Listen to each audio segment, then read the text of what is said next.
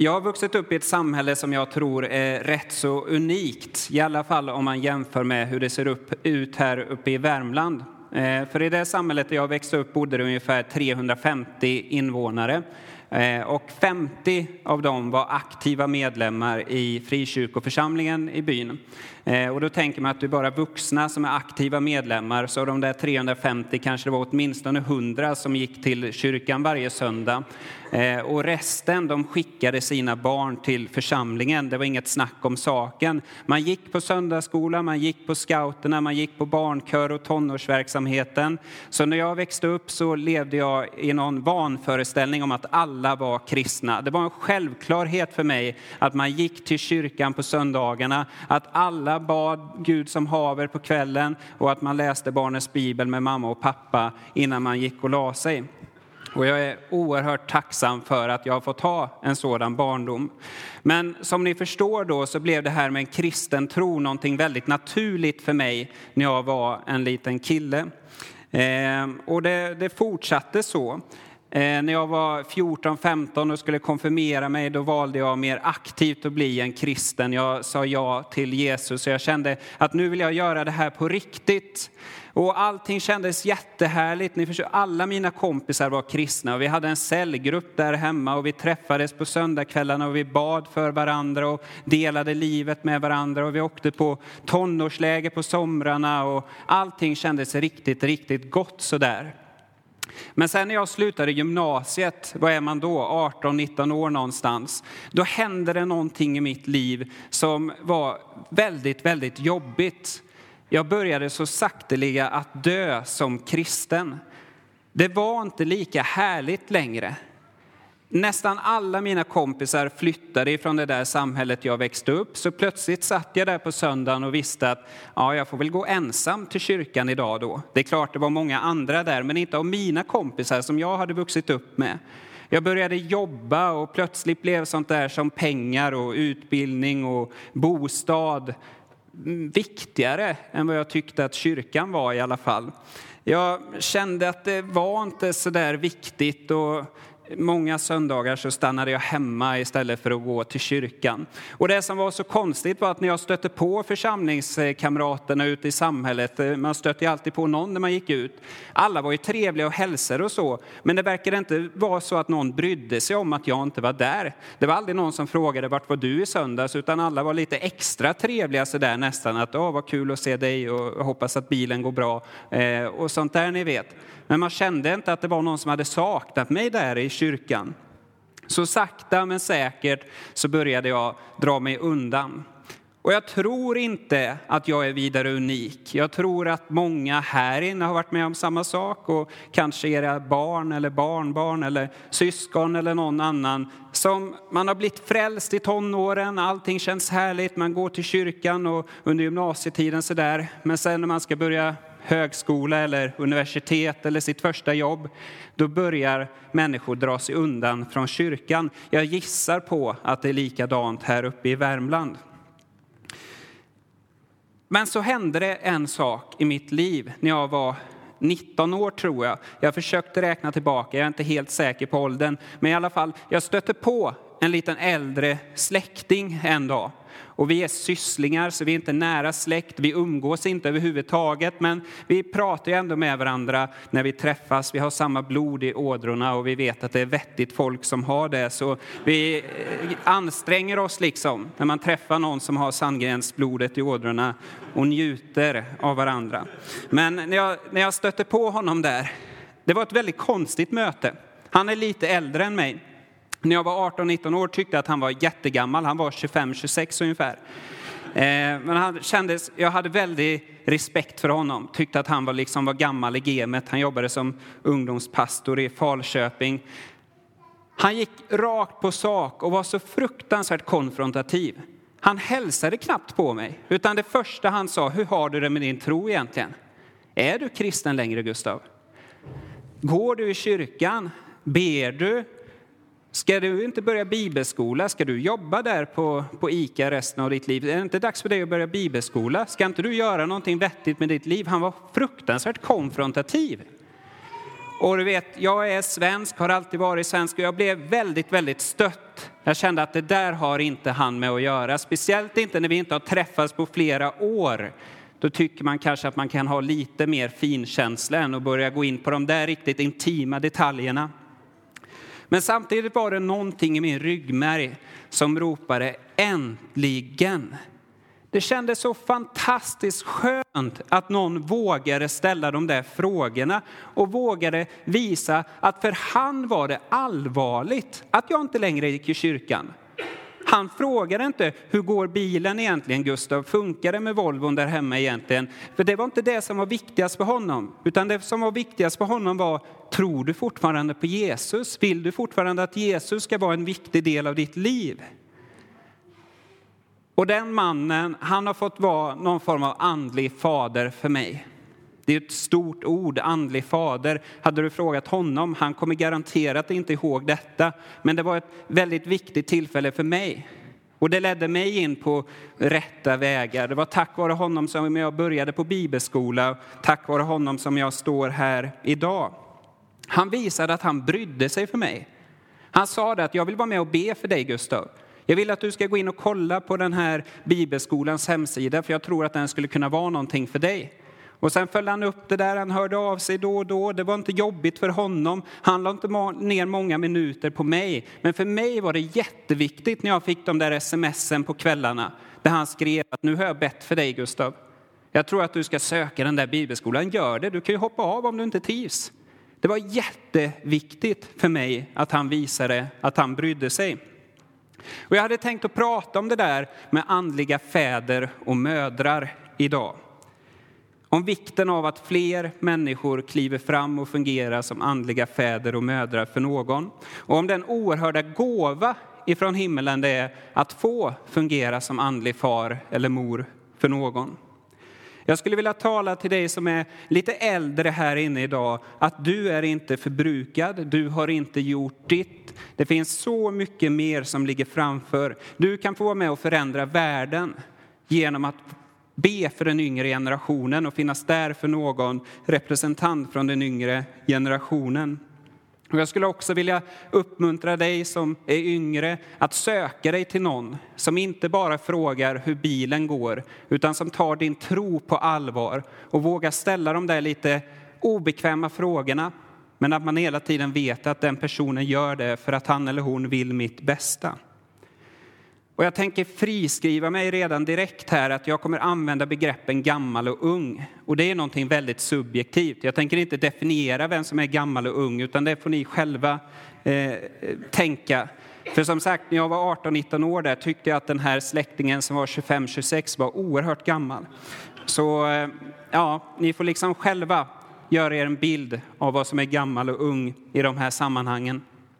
Men jag tänkte utgå ifrån berättelsen om Mose och Josua Mose har ni kanske hört talas om, många av er i alla fall tror jag. Han växte ju upp i Egypten under slaveriet eh, och han förstod nog rätt så tidigt att han var utvald av Gud. Det verkade som. Men det var först när han blev vuxen som han fick börja fungera för Gud på riktigt och han var ju med om att föra ut hela Israels folk ifrån slaveriet och de började sin ökenvandring. Och där i öknen så dog de allra, allra flesta i Israel. Men så fanns ju en kille som hette Josua också Josua han föddes faktiskt i Egypten, men han var väldigt, väldigt liten. Och Josua han var son till en man som hette Nun, men det verkar, om man läser mellan raderna, som att Josua blev Moses andliga son väldigt, väldigt snabbt. Josua verkar ha varit med Mose rätt så mycket. Han var hans uppassare, hans elev, hans medhjälpare, hans kompis. Och det verkar som att Mose väldigt tidigt tog Josua under sina vingar. Han lärde Josua allt han visste om soldatlivet, men också allting han visste om livet med Gud. Han lärde Josua allt han visste om hur man slår upp ett tält, men också allting han visste om hur man fungerar som en andlig ledare. Och mycket riktigt, när Mose dog så var det Josua som fick ta över. Josua var den som ansågs vara den mest lämpade, den bäst lämpade att ta över Israel. Och Josua lyckades väl. Tillsammans med folket så gick de in i det förlovade landet och de intog det och befäste det som det står i Gamla testamentet. Men sen när Josua själv blev gammal han och hans kamrater, då hände det någonting väldigt, väldigt allvarligt som vi läser om i Domarboken, andra kapitlet och vers 7 och 10. Då står det så här. Och folket tjänade Herren så länge Josua levde och så länge de äldste levde, de som var kvar efter Josua. Dessa som hade sett alla de stora gärningar Herren hade gjort för Israel. När sen också hela den generationen hade blivit samlade till sina fäder, alltså dött, kom en annan generation efter dem, en som inte visste av Herren eller de gärningar som han hade gjort för Israel.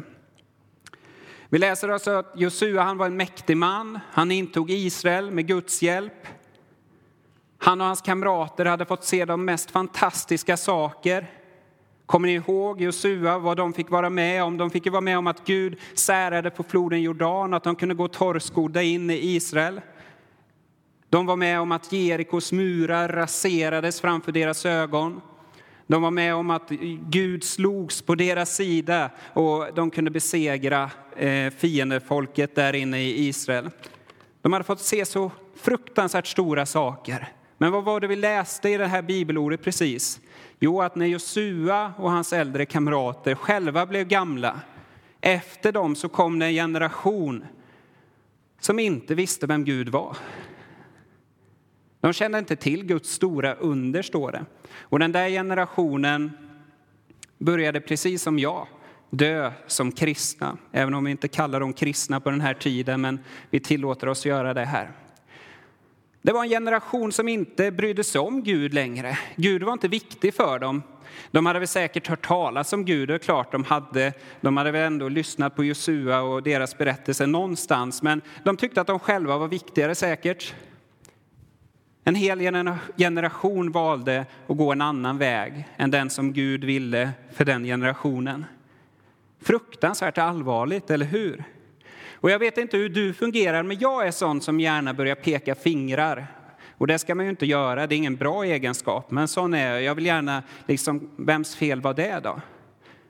Var det den yngre generationens fel att de inte fann Gud och inte gick hans vägar? Ja, men självklart var det det, delvis.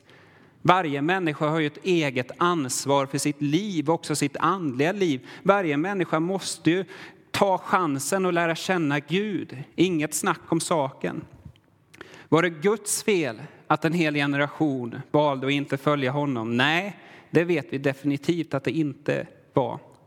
Var det den äldre generationens fel? Ja, delvis verkar det ju som det också när man läser detta.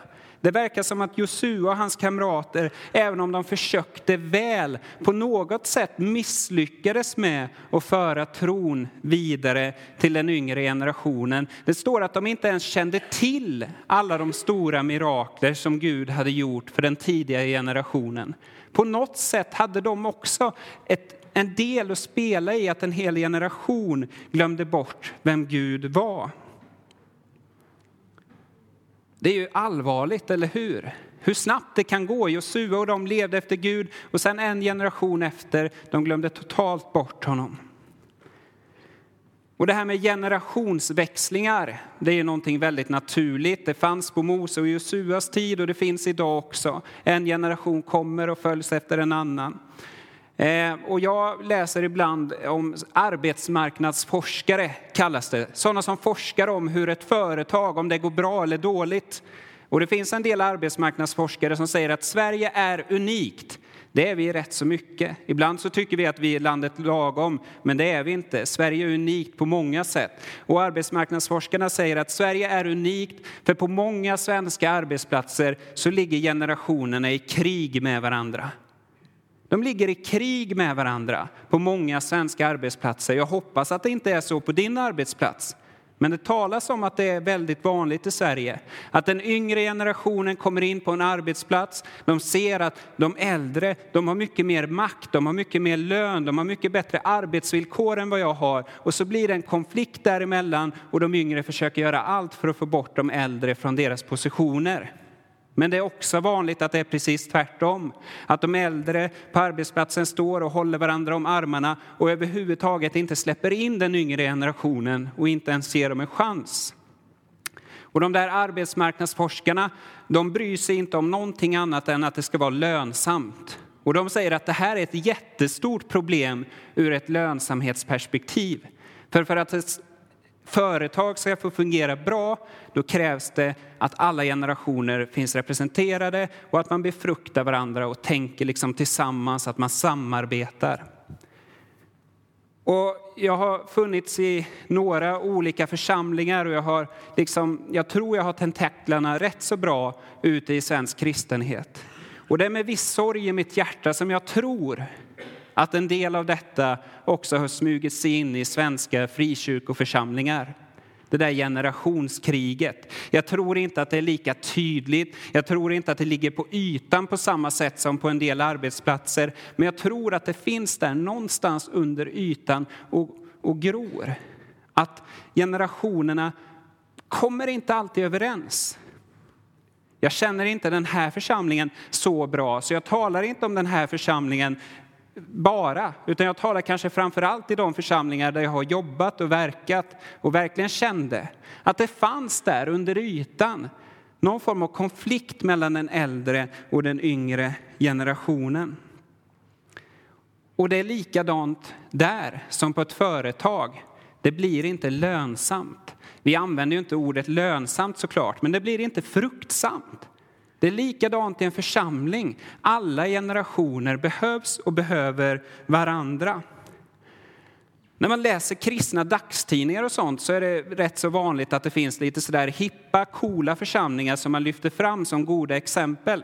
Vi ska inte nämna några namn, men ni vet allihopa att det finns sådana församlingar som är liksom, eh, det, var tredje år så är det en församling som är riktigt, riktigt cool, eller hur? Som alla skriver om. Och jag tycker det är jättekonstigt att i de församlingarna som lyfts fram, som ska vara våra förebilder och som vi ska lära oss av, då finns det ofta en extremt skev generationsfördelning. Har ni tänkt på det? Det är församlingar där det bara är människor under 35 år. Eller så är det en församling där det nästan bara finns äldre människor. Och så ska vi ha det som våra förebilder. Och jag tänker att nej, det är nog inte så bra bara, eller hur? För när jag läser Bibeln, då säger Gud att församlingen ska få fungera som en familj. Och när du hör ordet familj, då kanske du tänker mamma, pappa, barn. Men det var ju inte så man tänkte om en familj i ett bibliskt perspektiv för 2000 år sedan. Utan när de talar om en familj, då är det mamma, pappa, barn och farmor och farmors bror och eh, gamla kusinen ifrån landet, eller hur? Det är alla människor, det är en stor familj. Och det är Guds rikes krav också på vår församling att vi ska vara som en stor familj. Alla generationer ska finnas representerade. Men vi ska ju inte tala negativitet här, utan vi ska proppa oss fulla med goda exempel. Och det som jag tycker är så häftigt är att vi behöver bara gå en generation tillbaka ifrån Josua till Mose för att få se på ett riktigt gott exempel. Mose var en man som verkligen axlade rollen som en andlig ledare och en andlig fader. Mose var en man som i en extremt turbulent tid, där hela folkets existens stod på spel, valde att kliva upp och fungera som en andlig fader. Och det gick väldigt, väldigt bra. Och ett av de framgångsexemplen som jag tror att Mose hade i sin roll som andlig fader, det var att han förstod att varje generation kristna har sin fiende att vinna över. Mose han hade ju mött en extremt hård fiende här borta i Egypten, eller hur? Farao och alla hans män, liksom det var, han hade sin fiende där. Och vi talar inte om fienden så ofta i kyrkan, eller hur? Men vi vet ju att vi har en fiende, eller hur? Djävulen. Han är stark, han har makt, han vill förstöra våra hjärtan. Han vill förgöra våra hjärtan som kristna. Och Mose, han visste att han hade sina fiender som han var tvungna att överkomma. Och det gjorde han också med Guds hjälp. Men sen så är det rätt vanligt att man går och tror att ja, ja, men nästa generation, de har väl exakt samma fiender som jag hade och det gick ju bra för mig här borta. Men sån var inte Mose. Han visste att jag hade mina fiender här borta i Egypten. Men Josua, min andliga son, han kommer möta helt andra fiender än vad jag gjorde. För sån är fienden. Han är listig. Han anpassar sig efter vår tid. Och jag tror att det är en nyckel till att fungera som en andlig mor eller fader, att man förstår det där. Att allting var inte som när jag växte upp. Och att man har respekt för att samhället ser annorlunda ut. Jag umgås väldigt mycket med äldre människor, har alltid gjort, trivs mycket bättre i sällskap av äldre människor än folk i min egen generation. I den församling som jag jobbade i innan så spenderade jag en stor del av dagarna med att umgås med de äldre i olika sammanhang. Och de som var 75, 80, 85 år, de berättade att när vi växte upp, då var de stora fienderna i vårt liv alkohol och festande. Men de brukade inte använda ordet alkohol och festande, utan de använde ordet dansbanorna. Men det är ju exakt det som dansbanorna symboliserade, alkohol och festande. Och de sa att det var de stora fienderna i mitt liv när jag växte upp, Gustav. Det drog mig bort ifrån Jesus och det drog mina kamrater bort ifrån Jesus. Men vi gör ett misstag om vi tror att de kristna ungdomarna som växer upp i Karlstad idag, att deras största fiender är alkohol och festande, för det tror inte jag det är. Det är fortfarande en mäktig fiende, men det är inte den mäktigaste fienden. Och det där förstod Mose. Han visste att jag hade mina fiender när jag var ung. Men Josua han kommer möta helt andra fiender. Josuas fiender hette amalkiterna. Men jag tror kanske att den kristna ungdomen som växer upp i Karlstad idag, att deras största fiende är att de lever i ett genomsexualiserat samhälle och ett genomkapitaliserat samhälle. Ett samhälle där allting handlar om mig och mitt.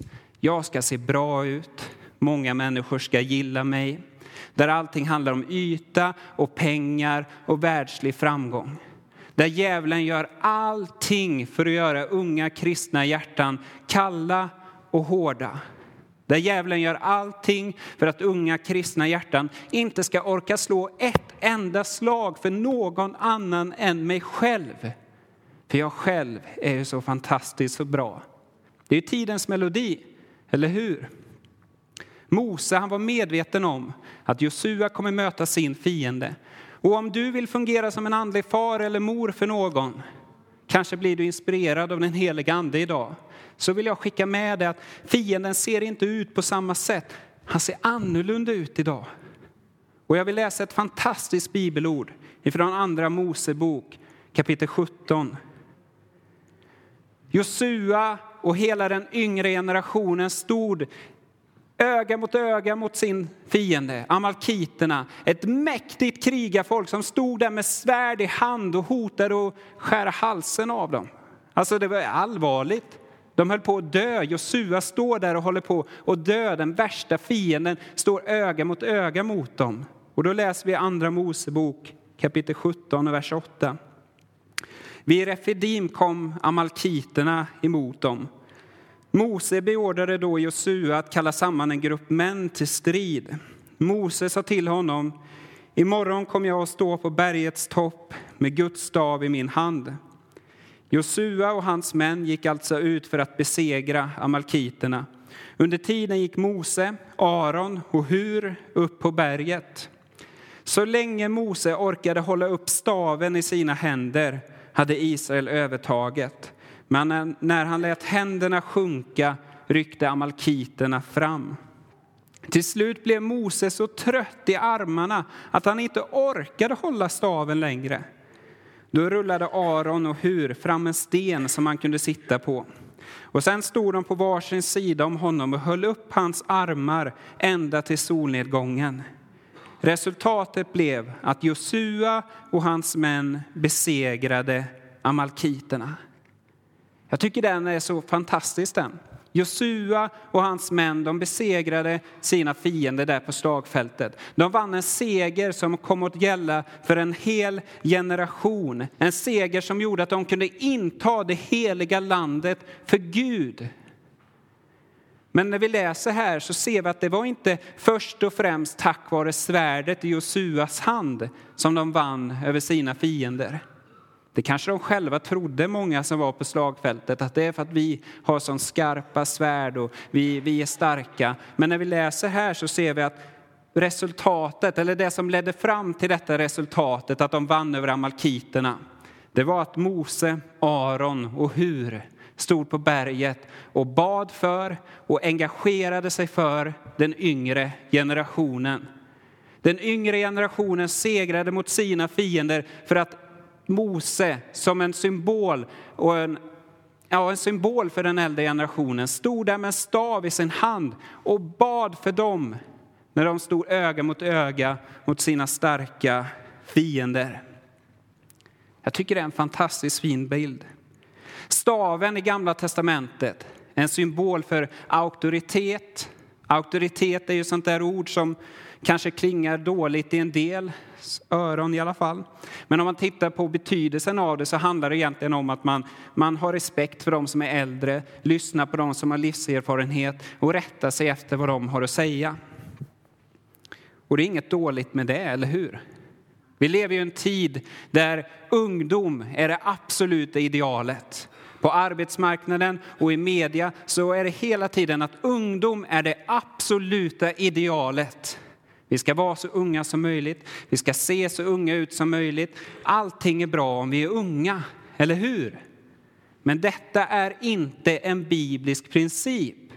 Utan den bibliska principen är att Mose, som är representant för den äldre generationen, han stod med staven i sin hand.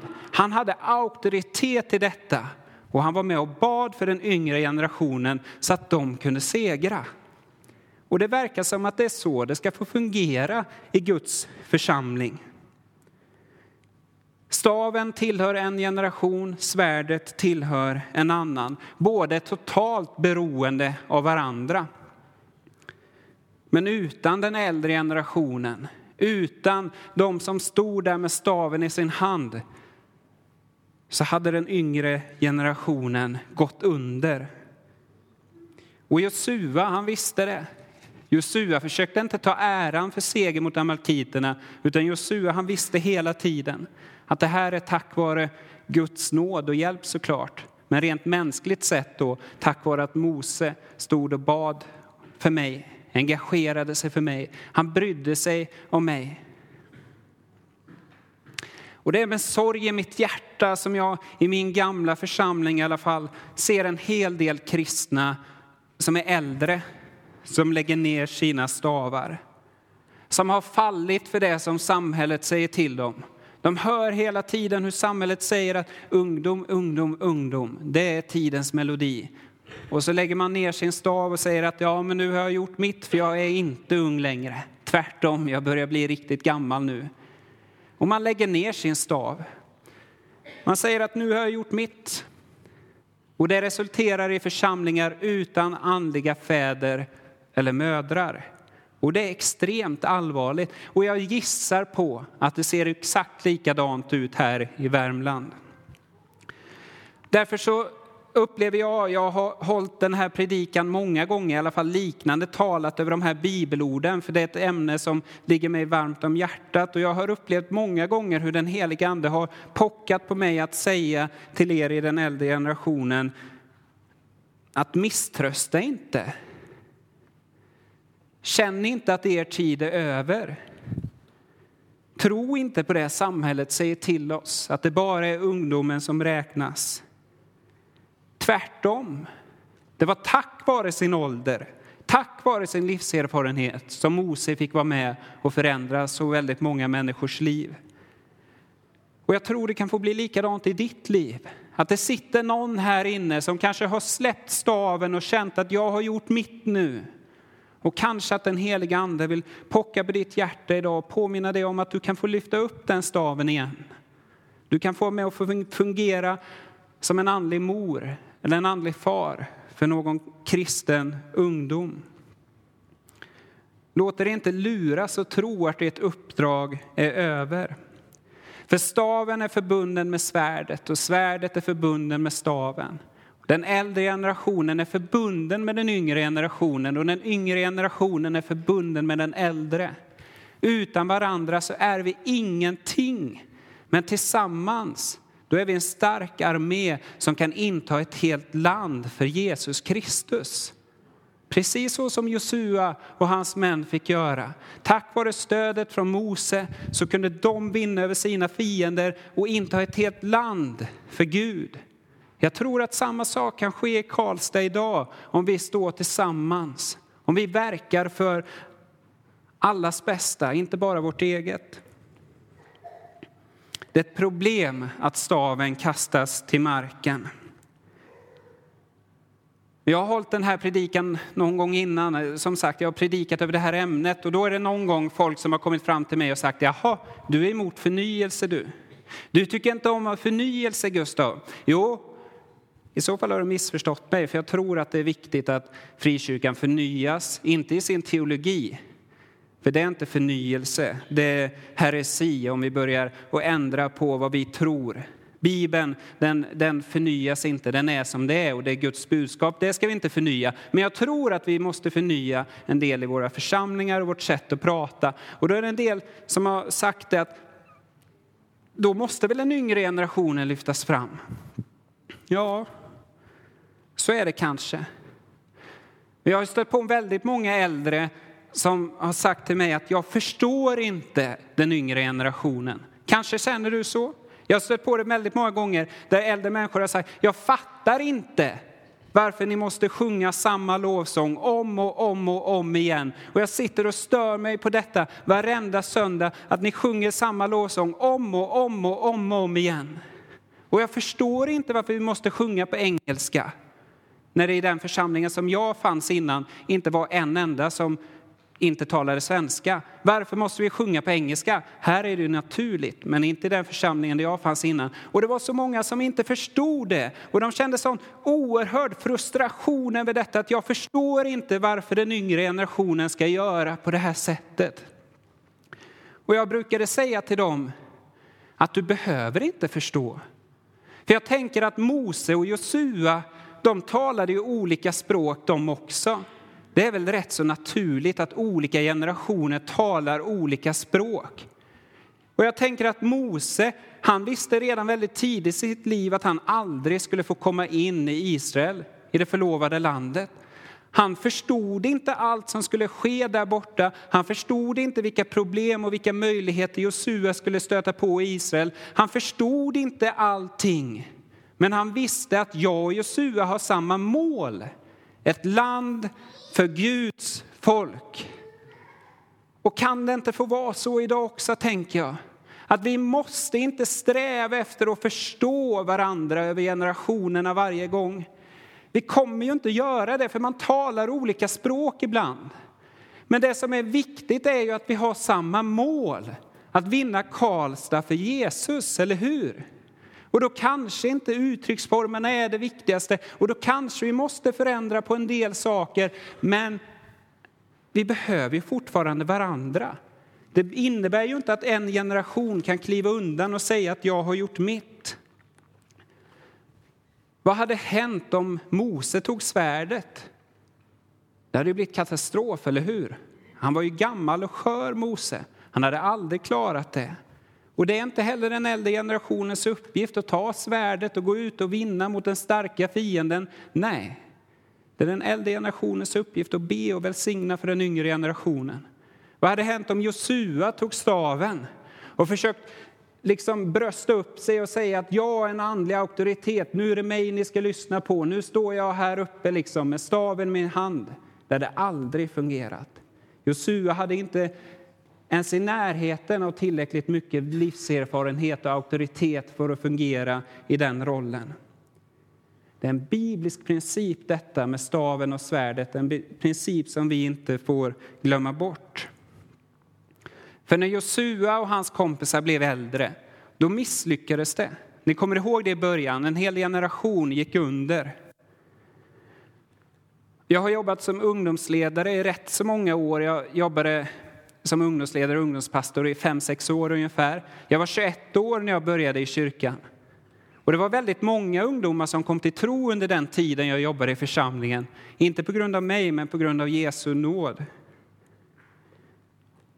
Och jag tycker det är jättejobbigt när jag tänker tillbaka på det i efterhand. Och det låter kanske konstigt, varför är det jobbigt att det var så många människor som kom till tro? För jag visste redan då, redan då visste jag när man såg dem komma till tonårssamlingarna på fredagar att det finns inte tillräckligt manliga fäder och mödrar som jag kan sätta dem här i kontakt med. Jag visste redan då att det här kommer bli jobbigt. Kommer det verkligen att finnas någon som kan ställa de obekväma frågorna till dem? Eller kommer alla fråga, hur går det med bilen egentligen? Finns det någon som kommer säga att jag vill be för dig? För mig är det viktigt att du kommer till kyrkan. För mig är det viktigt att du har en relation med Jesus. Jag visste redan då att det här kan bli väldigt, väldigt jobbigt. Och när jag kommer tillbaka till den församlingen idag, då ser jag att väldigt många av de som kom till tro inte finns bevarade i sin tro längre. Och det är oerhört allvarligt om en generation går till spillo. Det är oerhört allvarligt om människor börjar tro eller dö som kristna. Det är oerhört allvarligt om inte alla generationer hjälps åt. Det var många som förväntade sig av mig när jag var 21 år gammal att jag skulle fungera som en andlig fader för de tonåringarna som kom till tro. Och det kan jag säga att det är dömt att misslyckas. Jag tycker att ungdomsledare och ungdomspastorer har en fantastiskt viktig roll att spela. Och jag tycker vi ska välsigna dem och vi ska liksom lyfta upp dem för de gör ett jättebra jobb. Men vi kan aldrig lägga ut ungdomsarbetet på entreprenad. Det är en jättevanlig tanke. Nu offrar jag 300 kronor mer i månaden så kan vi anställa en till duktig ungdomspastor på 21 år som ska finnas där för att mina barn ska få komma till tro. För att mina barn ska få känna liksom att de har någon som stöttar dem. Det är jättevanligt. Och jag kan säga att det kommer aldrig funka. En 21-åring kommer aldrig fungera som en andlig fader eller moder för någon. Det kan vi glömma redan nu. Vi kan aldrig lägga det ansvaret på en ungdomspastor. En ungdomspastor kan få finnas med där i svärdsövningarna men aldrig att fungera som en andlig fader eller moder. Där behövs församlingen. Vi får inte luras och tro att en församling bara ska vara liksom en generation, att ungdomsarbetet kan hålla på här borta. Det funkar inte så. Vi behöver varandra, precis som Mose och Josua behövde varandra. Jag ska avsluta nu, men jag tror att du sitter här inne, kvinna som man, som behöver ta upp din stav igen. Som behöver axla rollen som andlig fader eller moder. Du har inte gjort ditt bara för att du har passerat 50 eller 60 eller 70 eller 80 eller 90 heller för den delen. För det krävs ingen fysisk styrka för det Mose gjorde.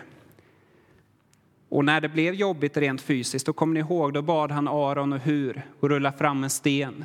Och så satte de sig ner tillsammans, de här tre äldre männen. Jag tycker den bilden är så vacker, hur de kanske sitter där liksom och håller varandra. De gjorde det tillsammans.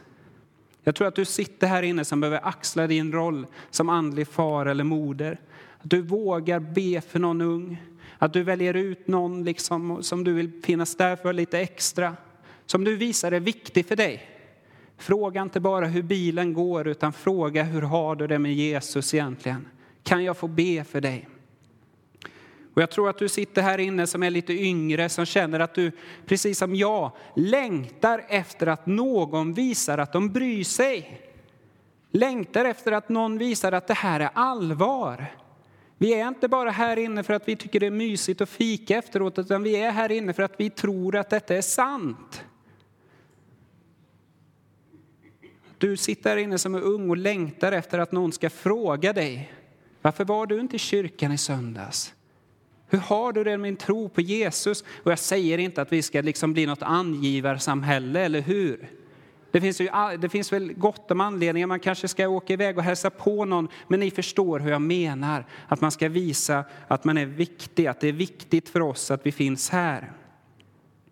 När stav och svärd står samman, då kan vi vinna viktiga segrar och stora segrar. Då kan vi vinna Karlstad för Kristus och det är det som jag vill och det är det som du vill, hoppas jag. Karlstad har inte råd att förlora en till generation med unga kristna soldater på slagfältet. Men med staven höjd om den äldre generationen axlar sin roll och ber för och engagerar sig för och finns där för den yngre generationen, då kan ni få vara med och beskydda den yngre generationen mot fiendens brinnande pilar och sylvassa svärd. Josua och Mose besegrade amalkiterna och om svärdet och stavet binds samman så kan Karlstad intas för Kristus, precis som Israel intogs på den tiden. Vi kan väl be tillsammans. Jesus, jag tackar dig för att du finns här just nu. Jag ber för att allt jag har sagt som är från mitt eget hjärta ska få försvinna direkt, Herre. Att vi ska få glömma bort det som är sagt som är från mitt hjärta. Men Herre, det som förhoppningsvis var från dig, det som var ifrån din heliga Ande, att vi ska få ta till oss det. Herre, jag ber att du ska pocka på våra hjärtan. Herre, jag tror att det sitter människor här inne som har lagt ner sina stavar, som har sagt att nu har jag gjort mitt, jag orkar inte mer, jag förstår inte varför vi måste fira gudstjänst på ett speciellt sätt. Jag, jag känner att nu har jag gjort mitt. Jag tror att det finns sådana människor här och jag ber Herre att du genom din heliga Ande skulle tala till de människorna. Att de ska få bli inspirerade och plocka upp sina stavar igen och få finnas där, precis som Mose fanns där för den yngre generationen. Herre, jag ber för de som är yngre här inne, att de ska få ty sig till någon med auktoritet, som har livserfarenhet, som vet vad det är att gå med dig. Herre, jag ber om möten mellan generationerna. Herre, jag ber att vi ska få bli en familj på riktigt.